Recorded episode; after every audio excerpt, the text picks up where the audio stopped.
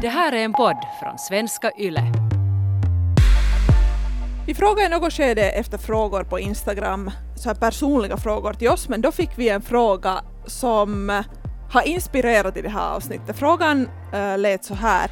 Hur undviker man urinvägsinfektion? Och jag sa genast att om vi ska prata urinvägsinfektion så då måste vi prata de två andra i treenigheten också. Ja, ja och, och det var alltså, har vi lärt oss nu då efter att du tog upp det här, Mhm. bakteriell vaginos, Mm. Och sen var det väl svamp. Mm. Så är det.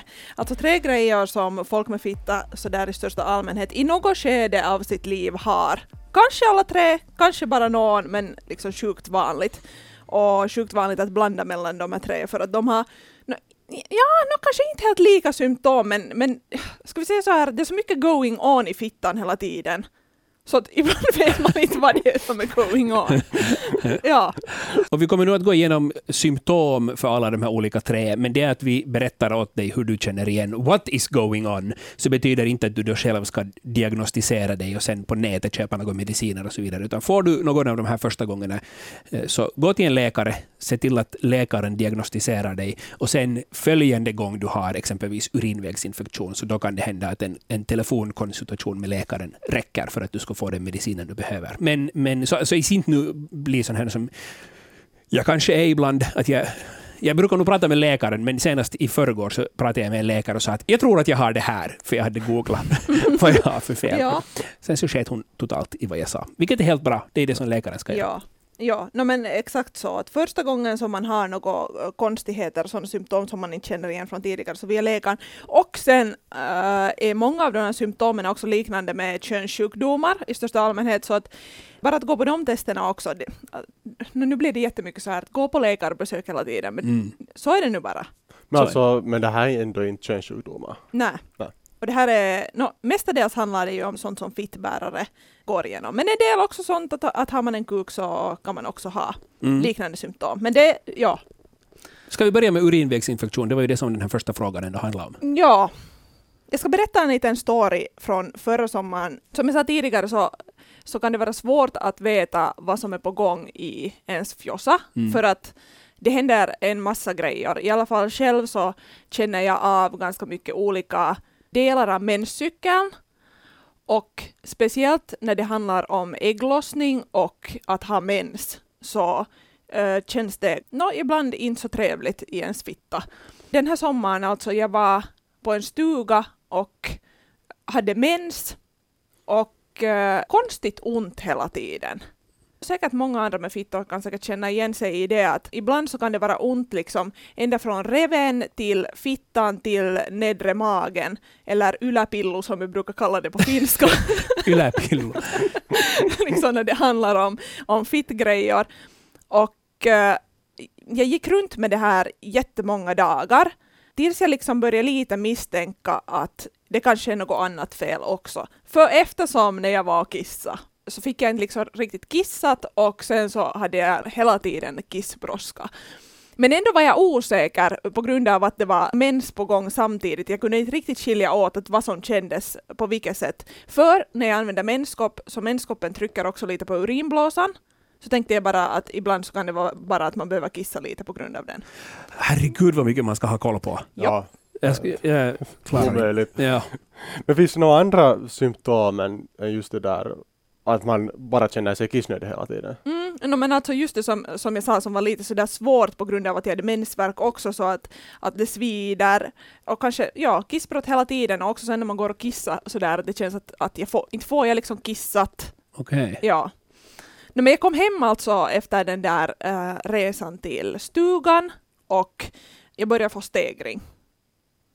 Och det är också en sån här att om urinvägsinfektion går så där semilångt så då kan det bli helt jävligt ont överallt och att det är på riktigt inflammation överallt och så får man lite stegring. Jag hade en ganska lång väg hem och så där att det svartnade i ögonen två gånger före jag kom hem.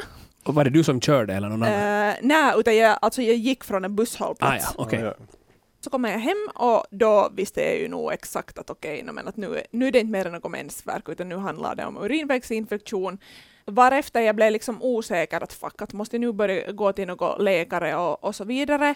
för att jag har en gång tidigare haft urinvägsinfektion men kom inte ihåg hur det här funkar. När jag ringde hälsocentralen, eh, de frågade direkt vad symptomen är och så frågade de har jag haft urinvägsinfektion tidigare så sa jag ja och så sa de att jag behöver inte komma någonstans, att de skriver ut recept nu.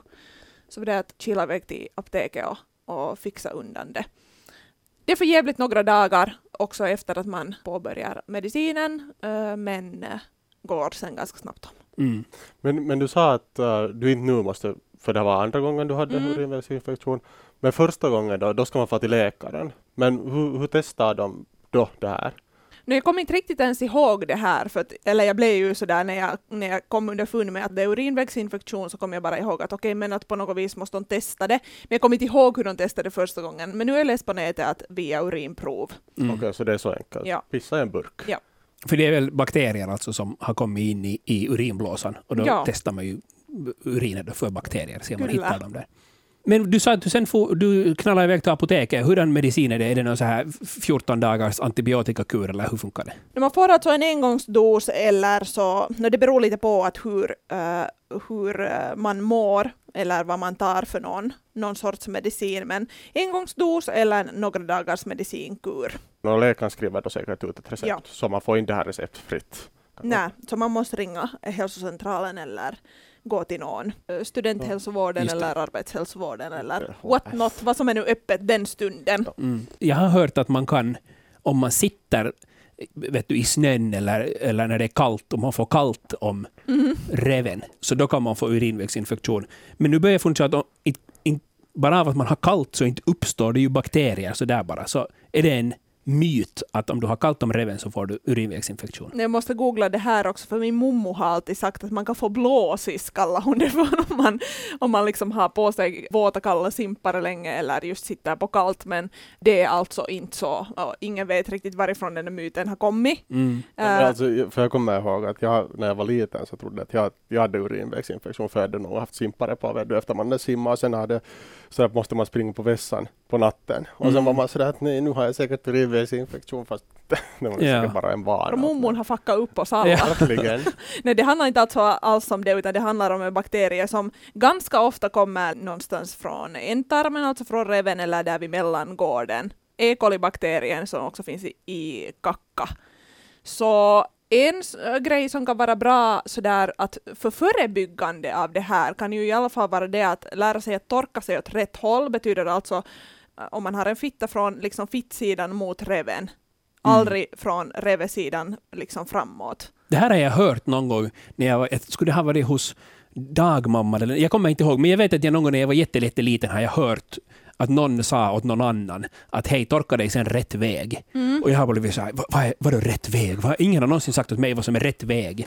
Och så har jag funderat på det där jätte, jättelänge för jag har vågat säga det. Ja, nu du får ju kämpa lite för att få, få det liksom fel väg själv. Men där, där också sådär som vi pratade i prostatavsnittet också, att använd bidén. Mm. Bidén, om man har möjlighet till det så är det ganska lätt också att tvätta sig med det. Fast då kan, kan det inte stritta då också? Nå, inte riktigt så, inte går det ju på det sättet så, men att, att om man nu använder bidén i så fall så då måste man ju äh, tänka så att man tvättar fittan först och reven sen och så tvättar man händerna efter det, Mm. så att det inte blir fel. En annan grej som är viktigt är att kissa efter att man har haft sex, så då äh, rensar man igen urinröret, så att om det har nu kommit något shit in dit så det sägs det att det hjälper i alla fall. Och det där måste ju säkert vara också en del av orsakerna varför man till exempel om man har haft analsex och sen byter till vaginalt sex Mm. så man ska inte byta sådär bara utan man ska tvätta den där kuken före Kyllä. Ja, eller byta kondom. Ja. eller byta kondom. Så Ja. Och har man uh, oskyddat analsex som kar så är det ju bara att kissa också efteråt. Ja. För att just undvika, för nu kan ju karlar också få, få urinvägsinfektion. Ja. Men det är vanligare hos kvinnor. Jag har hört att det är för att, för att urinröret är kortare. Ja, är men, men exakt så. Just det som jag sa att, att när dagmamman säger att varför hon inte har sagt åt dig så har du ganska liksom lång väg för att från din reve till din pili liksom få Mm. torkat på något vis fel. Det. Ja, men ett, ett längre urinrör så därför har man det mera sällan. Men jag har hört att sen att om, om folk med pitt får urinvägsinfektion så det oftast är ganska paha Just det. direkt. Sen sånt som sägs att vara eller har förebyggande effekt eh, så är att dricka surt. Annars också om man har urinvägsinfektion så sägs det ju att drick mycket så att man får kissat ut mera av skiten. Men i förebyggande syfte tranbärs eller lingonsaft dagligen. Ja, det är just en, en manlig kompis som satt sin, en bild på sin Instagram av hans favoritsafter för tillfället och det var lingonsaft och tranbärssaft. Så jag vet inte om det var en urinvägsinfektion på gång eller bara ett förebyggande av det. Det kan vara det. Mycket Cosmopolitan ska man dricka Mm. alltså. Eh, Ja. Gör, görs inte den med, med cranberry? Ja. Med, vad heter Ja. det? Cranberry juice? Tranbärsjuice. Eh, Ja, lite så att jag är alkoholist. Ja, man äter ofta urinvägsinfektion. Tre Cosmopolitan till morgonmål. Sen läste jag också någonstans när vi, när vi funderade på det här att man ska inte använda alltså spermiedödande medel eller pessar om det är så att man ofta brukar få uh, urinvägsinfektion för att de på något vis har någon form av samband. Okej. Vad är, vad är ett spermiedödande medel? Alltså det, så- det som används med pessaren, liksom man sätter in den där pessaren med spermiedödande medel, för den är ju inte liksom helt... Vad är en pessar? Den, det är sån här, inte en kork, Men ett lock, ett lock kan man ett säga. lock som man för in med spermiedödande medel, liksom i silikon, som Mm. är alltså ett preventivmedel, inte ett hundraprocentigt men Men pessaren alltså lägger man för livmodertappen så att spermierna inte kan simma upp dit. ja, används ganska lite. Ja, I Finland. Jag, jag, jag har aldrig hört om det förut. Okej, häftigt. Följande i treenigheten, jag vet inte varför vi har kallat det så, för att är inte treenigheten någonting ändå som kan upplevas som lite kiva för dem som tror på sånt? Ja, det är väl verkligen det är väl någonting kiva för dem som tror på sånt. Men jag tänker att det här är liksom treenigheten som man får lära sig leva med, att det finns risken att de kommer in i ens liv. liksom lite som treenighet är ju mitt i att kan nog komma också i Ja. något annat skede. Plötsligt så märker man att nu har man den i sig. Ja, Mm. Så är det också Exakt. med bakteriell Ja, vaginos. så vi förflyttar oss till fadern. Men eh, vad är då bakteriell va- vaginos och eh, hur märker man att man har den? Om jag svarar först på frågan att vad det är, så är det att det blir obalans mellan bakterierna i fittan. Den är också väldigt vanlig, lika vanlig som svamp som vi kommer att prata om om en liten stund. Och nu Men- kanske många är sådär, vadå bakterier i fittan? Men det ska ju vara så. Alltså på samma sätt som man i munnen har, Exakt. har bakterier, det ska finnas bakterier där för att de hjälper till med what not, matsmältning och så vidare, så ska man ju också i fittan ha bakterier. Ja. Men det ska Men vara rätt. obalans är ordet. Precis, det ska Ja. vara rätt balans av dem. Ja, och den som, eh, eller det som sådär kännetecknar bakteriell vaginos är lukten, att flytningarna börjar lukta illa och eh, beskrivs ofta så här mm, fiskaktiga. Och sen så, nå, man kanske kan se det på flytningarna också, men det finns lite olika beskrivningar av hur flytningarna ska se ut, men på de flesta ställen så liksom står det att det är tunna och gråvita. Och det här känner jag igen också själv, efter att också haft bakteriell vaginos! Oj nej, du har både fadern och sonen. Ja, Så får vi allt- se om du har den heliga anden i dig också. allt i mig. Ja, det är också som skrivs, men som också enligt eh, empirisk undersökning min egen bekantskapskrets har märkts är att det är vanligare att få bakteriell vaginos om man har nya sexpartners väldigt ofta. Okej. Ja, Ja, är inte kopparspiral också en grej som gör att man kan Mm. få bakteriell vaginos vanligare? ja, kopparspiral och rökning. Rökning! Ja, Ser alla rökare. Nej, jag vet Så alla som knullar mycket ja, Och röker så det, är, det, är inte en bra, det är inte en bra kombo. så är det. Eller så är det en bra kombo, men Om- inte för just den här grejen. Nej. Ja, det kan också vara en jättebra kombo. Uh, men för att jag nu inte är jätteproffs på det här bakteriell vaginos så har jag googlat lite och kikat lite att vad är det som människor, Mm. människor undrar på, på internetet. Så där, där var det en fråga som var sådär att uh, vad kan det finnas för följder om man inte tar hand om, om bakteriell vaginos? Hittar du någonting? Hittade jag någonting? Ja. No, där, där fanns en som var ganska hemsk. Och det är att eh, man kan få missfall lättare, eller det ökar på risken till missfall. Okej. Och att förlossningar sätta, kan sätta igång tidigare. Mm. Mm.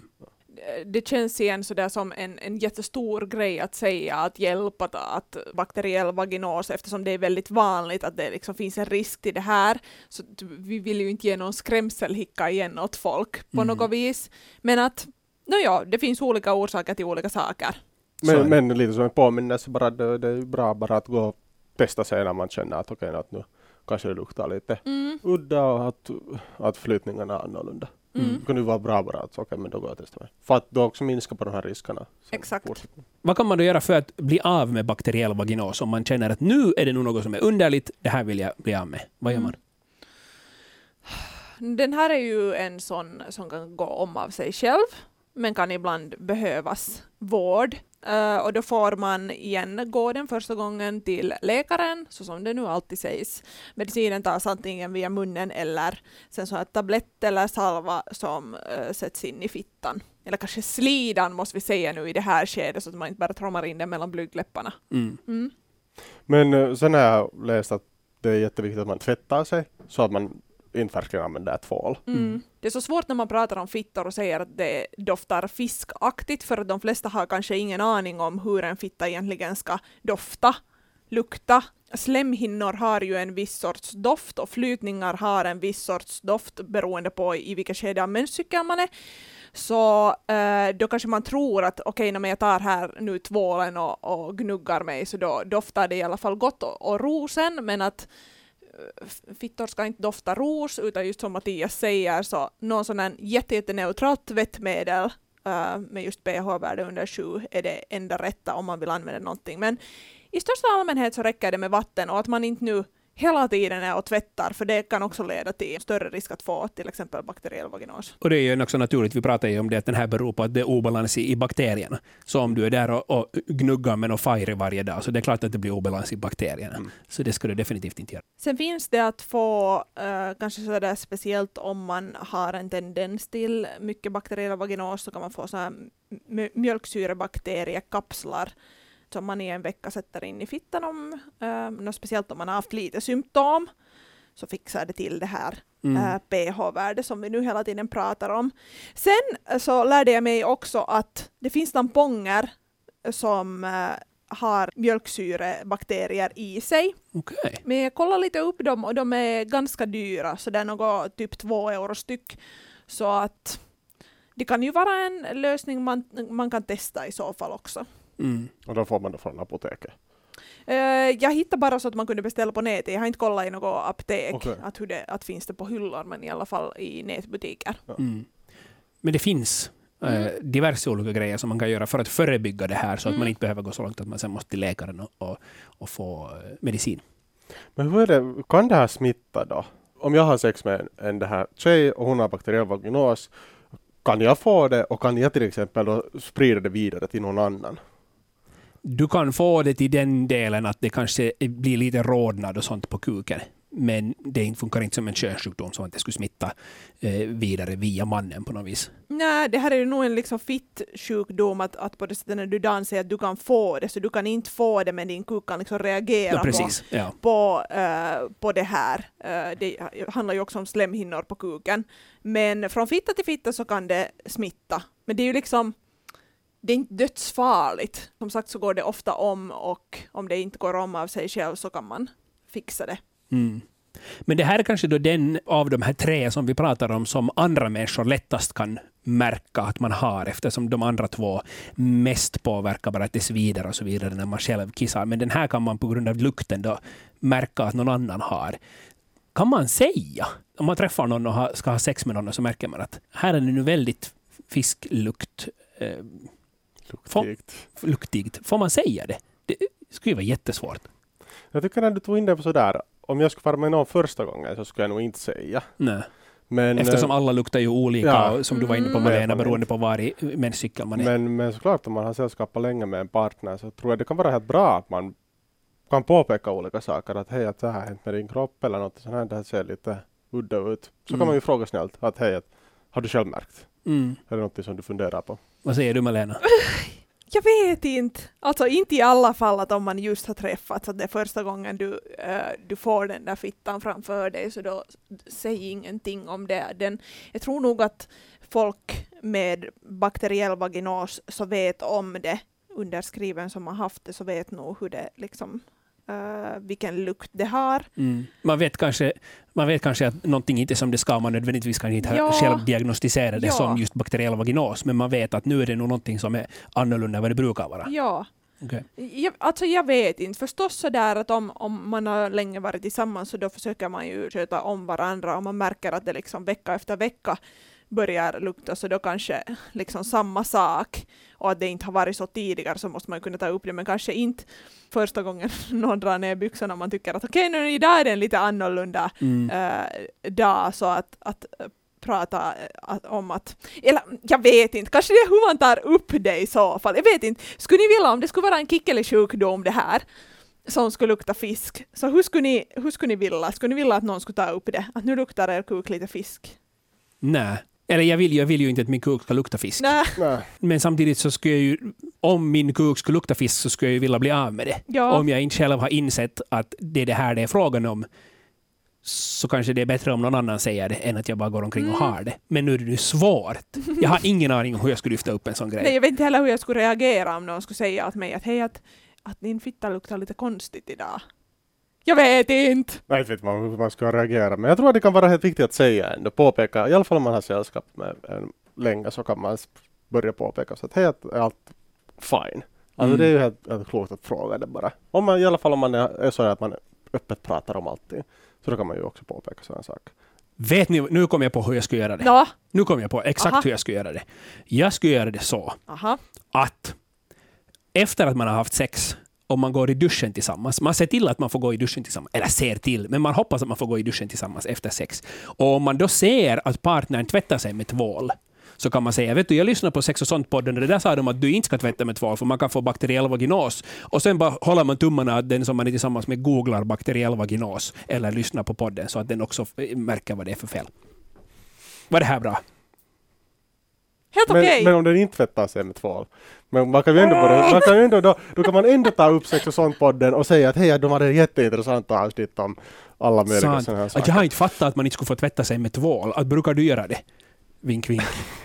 Alltså jag vet jättemånga som tvättar både fittor och kukar med tvål. Sluta tvätta era fittor och kukar med tvål. Ja, Det var det! har vi avklarat denna nu? Och då Ja. far vi vidare till den heliga anden.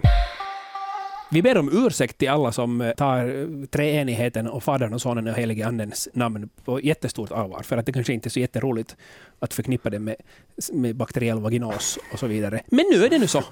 Det var så det vi blev gjorde. så. Det, ble, Det blev det blev så. så. Det var så. inte meningen. Hej, här i mitt manus så står det någonting som jag inte har skrivit in själv. Ja. Det står danskt dröm. Jo! Först, först står det en rubrik, svamp. Och så står det danskt dröm. För jag insåg det här i morse när jag stod i duschen. Ja. Så eh, när jag funderade, okej vad ska vi göra idag? Vi ska prata om, om eh, de här grejerna i podden. Och då insåg jag vad jag drömde i natt. Jag, Okej. jag drömde att jag hade svamp i reven. Alltså en riktig svamp. Det växte typ en champinjon eller något sånt. Det måste ju ha att göra med att vi skulle prata om det i podden idag. Ja.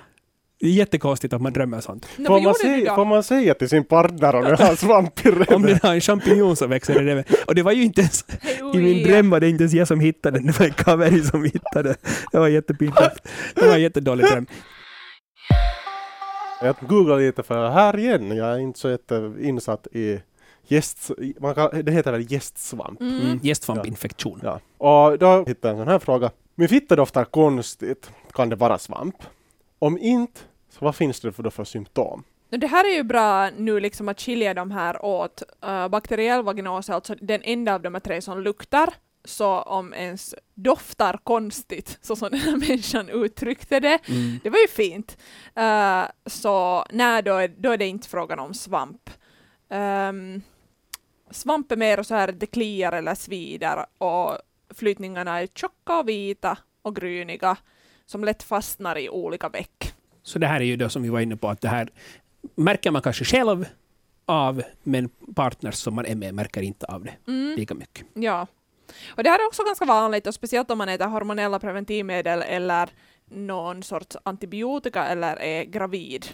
Men folk säger också att det kan handla om att man har tajta kläder, men svamp är lite konstigt för man, man liksom vet inte riktigt varifrån det kommer. Mm. Men är det farligt då? Uh, det här är också en av dem som ofta går om av sig själv. Och den grejen som finns att få liksom receptfritt att medicinera Mm. själv på ap- apoteket. Salvor och kapslar och krämer för både yttre delar av fittan och inre delar av fittan. Okej. En grej som jag kommer ihåg med svampinfektion som vår eviga expert Sus Åman från Folkhälsan som vi konsulterar alltid med sex och sånt, hon har hört och synts i sex och sånt jättemycket under, under åren. Så hon sa att gästsvampen liksom inte smittar, men man kan bolla den mellan sin partner. Att om man som kvinna har gästsvampinfektion och så vet man om det eh, och sen så får man den här medicinkuren och blir av med den, så kan ens partner sen ge tillbaka den åt en. Ja, det är ju just sådär att om man har återkommande svamp hela tiden fram och tillbaka så här, så då lönar det sig ju inte bara att behandla den som har alltså gästsvampen, Mm. utan båda som har sex med varandra, så att den nu inte bollas runt så här. Mm. Och visst kan ju män också ha gästsvampinfektion, Mm. antingen eh, på kuken eller på låren eller i ljumsken. Liksom. Ja, och kanske i största allmänhet så där eh, kan man säga med svamp att det inte lönar sig att ha så jättemycket kuk i fittan då när man har svamp. Att även om den svampen inte liksom skulle då bollas vidare till kuken så kan kuken reagera. Och sen är väl fittan också eh, känsligare, alltså slemhinnorna är väl lite, lite känsligare. Mm. Och det kan lätt bli mera slitage eller vad man ska kalla det. Ja, Det i alla fall, i alla fall om man då skulle vilja ha så är det väl att sätta kondomen på. I alla fall. ja. No, i alla fall, men förstås sådär att det är sköra slemhinnor så det kanske kan vara bra att inte ha något penetrativt sex överhuvudtaget för att det finns just som Dan säger slitage, låter kanske lite fel men att när slemhinnorna är sköra så finns det risker för liksom andra sorters infektioner. Men då får man ju komma ihåg att man kan göra allt möjligt annat än att ha, än att ha penetrativt sex. Det där är jätteviktig point, att inte säga att man får inte ha sex om man har gästsvampinfektion. Det får man ju jättegärna ha, men kanske inte kuk i fitta. Mm. Då kan man sätta finger i reve på den andra istället, eller hitta på något kul. Ja, har ni haft något svamp då? Inte som jag vet. Jag Eh, tror Dan har väl haft några Ja, jag, inte annat än i min rem. Nej, Okej, inte vad jag vet om i alla fall. okej. Vet ni något om har du, symptom haft, har du haft tre en, Ja, det har jag ju nog. Jag har haft allt. Weird flex, stolthet i rösten. Jag har haft allt. You name it, I have it. Ja, det är lite könssjukdomar. Gotta catch them all. Men jag tycker det här är så bra och viktigt och det är därför som jag tycker det är så roligt att göra den här podden. För att det att vi kan prata så öppet om de här grejerna visar också hur vanligt det är. Mm. Att man ska inte behöva skämmas om man har gästsvamp eller what not, utan det är någonting som jätte, jättemånga människor får. Och då, de allra flesta kvinnorna får i något skede någon av de här tre i alla fall. Mm. Så då är det ju bra att kunna prata öppet om dem och inte på något vis dölja dem i, i någon sorts skam. Jo, exakt. Och det är ju mest liksom jobbigt för en själv då när man har det. Att inte det är ju så jättejobbigt för någon annan eh, oftast. Utan det är jobbigt för en själv en liten stund i att definiera att eh, vänta nu, vilka symptomer har jag? Vad känner jag egentligen? Och sen att måste springa till apoteket och sätta ut lite pengar, kanske möjligen. Mm. Men att inte, det är liksom, det går om. Att det här är inte något som förändrar ens liv på något sätt. Oftast. Förstås så finns det folk som säger, till exempel med bakteriell vaginos, att det tar inte slut. Jag vet folk som säger att, eh, att tydligen deras partners sperma har något sånt som gör att det förändrar pH-värdet så pass mycket att de liksom går omkring hela tiden med, med bakteriell vaginos. Och då måste man ju kanske fundera om att börja använda kondom eller något liknande. Men, men hur är det med den här svampen då? För det finns ju också medicin och den kan man ju få också utan recept. Men det är på samma sätt som vi pratade tidigare, att om du inte haft det förr, så, och eftersom de här är ganska lika, de här alla tre, så är det bra att prata med en läkare för att få rätt diagnos och på det viset få rätt medicin också för Mm. det. Det finns här då någon uh, olika sån här förebyggande sätt som man kan använda sig av. Mm. Nå här, när vi pratar om att tvätta sig rätt för det första, igen det där med ingen tvål, men eftersom slemhinnorna ofta när man har svamp kan kännas lite så här sköra, så kan man använda sig till exempel av olja, någon så här babyolja, intimolja, matolja, alltså något väldigt neutralt, inte så här inte chilioljan från, från köket helst, men och inte något liksom med något dofter. Som sagt så inget sånt utan något väldigt neutralt. Så då Mm. kan det kännas att man får lite återfuktande för slemhinnorna. Också, eh, vad heter det, vattenbaserat glidmedel kan man blanda med. Det Okej. fuktar också bra slemhinnorna. Sen kan man prova använda tampong eller menskopp istället för binda, igen för den här liksom luftigheten för att det ska cirkulera. Samma med luftiga underkläder. Sova naken rekommenderas i, i största allmänhet så att man inte alltid har sin pitt eller fitta instängd hela dygnet runt. Snabb handuppräckning. Vem av oss sover naken? Inte jag. Två. Två. Ni två sover nakna, inte jag. Okej. Hemskt sällan. Mm. Och sen så finns det ju nu en hel del så här self-help-metoder som har med svamp att göra, som till exempel att doppa en tampong i surmjölk, men det finns inte något, någon som säger eller har gjort någon undersökning att hjälper det här på riktigt, men I alla fall finns det inte heller något som säger att, att det skulle göra någon större skada. Så kanske om det hjälper någon så, Mm. why not? Och som vi har varit inne på så är alla de här tre främst alltså för kvinnor. Det är jättemånga kvinnor som har det här. Men visst kan män också ha det. Samma sak med svampinfektion. Man kan då få att det blir jättetorrt på ollonet och kanske flagar lite rött. Eller det, det fjällar huden på Mm. kuken. kan fjälla. Eller sen just i ljumsken eller någonting sånt. Ska vi köra en liten recap? Det kan vi göra. Här kommer mycket info. Ja, för att nu att om det är någon som där ute funderar att vad är det jag har? Så för att kanske eh, med uteslutningsmetoden kunna i alla fall utesluta någonting. Mm. Urinvägsinfektion, symptom, behöver kissa ofta och det svider. Speciellt när du kissar. Och det kan vara svårt att få igång själva kissstrålen, att få ut den och få Ja. tryck i dit. Det är luktfritt och inget konstigt med flytningarna. Bakteriell vaginos. Flytningarna luktar illa. Mm. Helt klart att skilja den från de andra. Eh, ofta fiskaktigt och flytningarna blir tunna och gråvita. Men den här kanske inte kliar så jättemycket och det svider inte när Nej. man kissar. Och så är det svamp och den kliar och svider. Flytningarna är tjocka, vita och gryniga Mm. och fa- fastnar lätt i olika veck. Så ganska liknande som urinvägsinfektion. Så Ja. alltså den svider och kliar. Förutom att du behöver inte kissa. Mm. Den, här, den här kliar och svider hela tiden. Ja. Och inte bara när man kissar, det gör urinvägsinfektionen främst. Och sen kan ju urinvägsinfektionen också ha, som du var inne på i början Malena, att man får ont i ryggen till och med. Mm, exakt. Och, och, och upp i, i nedre magen. Vad var det du kallade det? Yläpillo? Ylapillu. Följ oss på Instagram, på yleextrem6. Där fortsätter diskussionen tillsammans med mig, Malena. På Instagram kan du också ställa frågor eller komma med förslag på teman som vi senare skulle kunna snacka om i podden.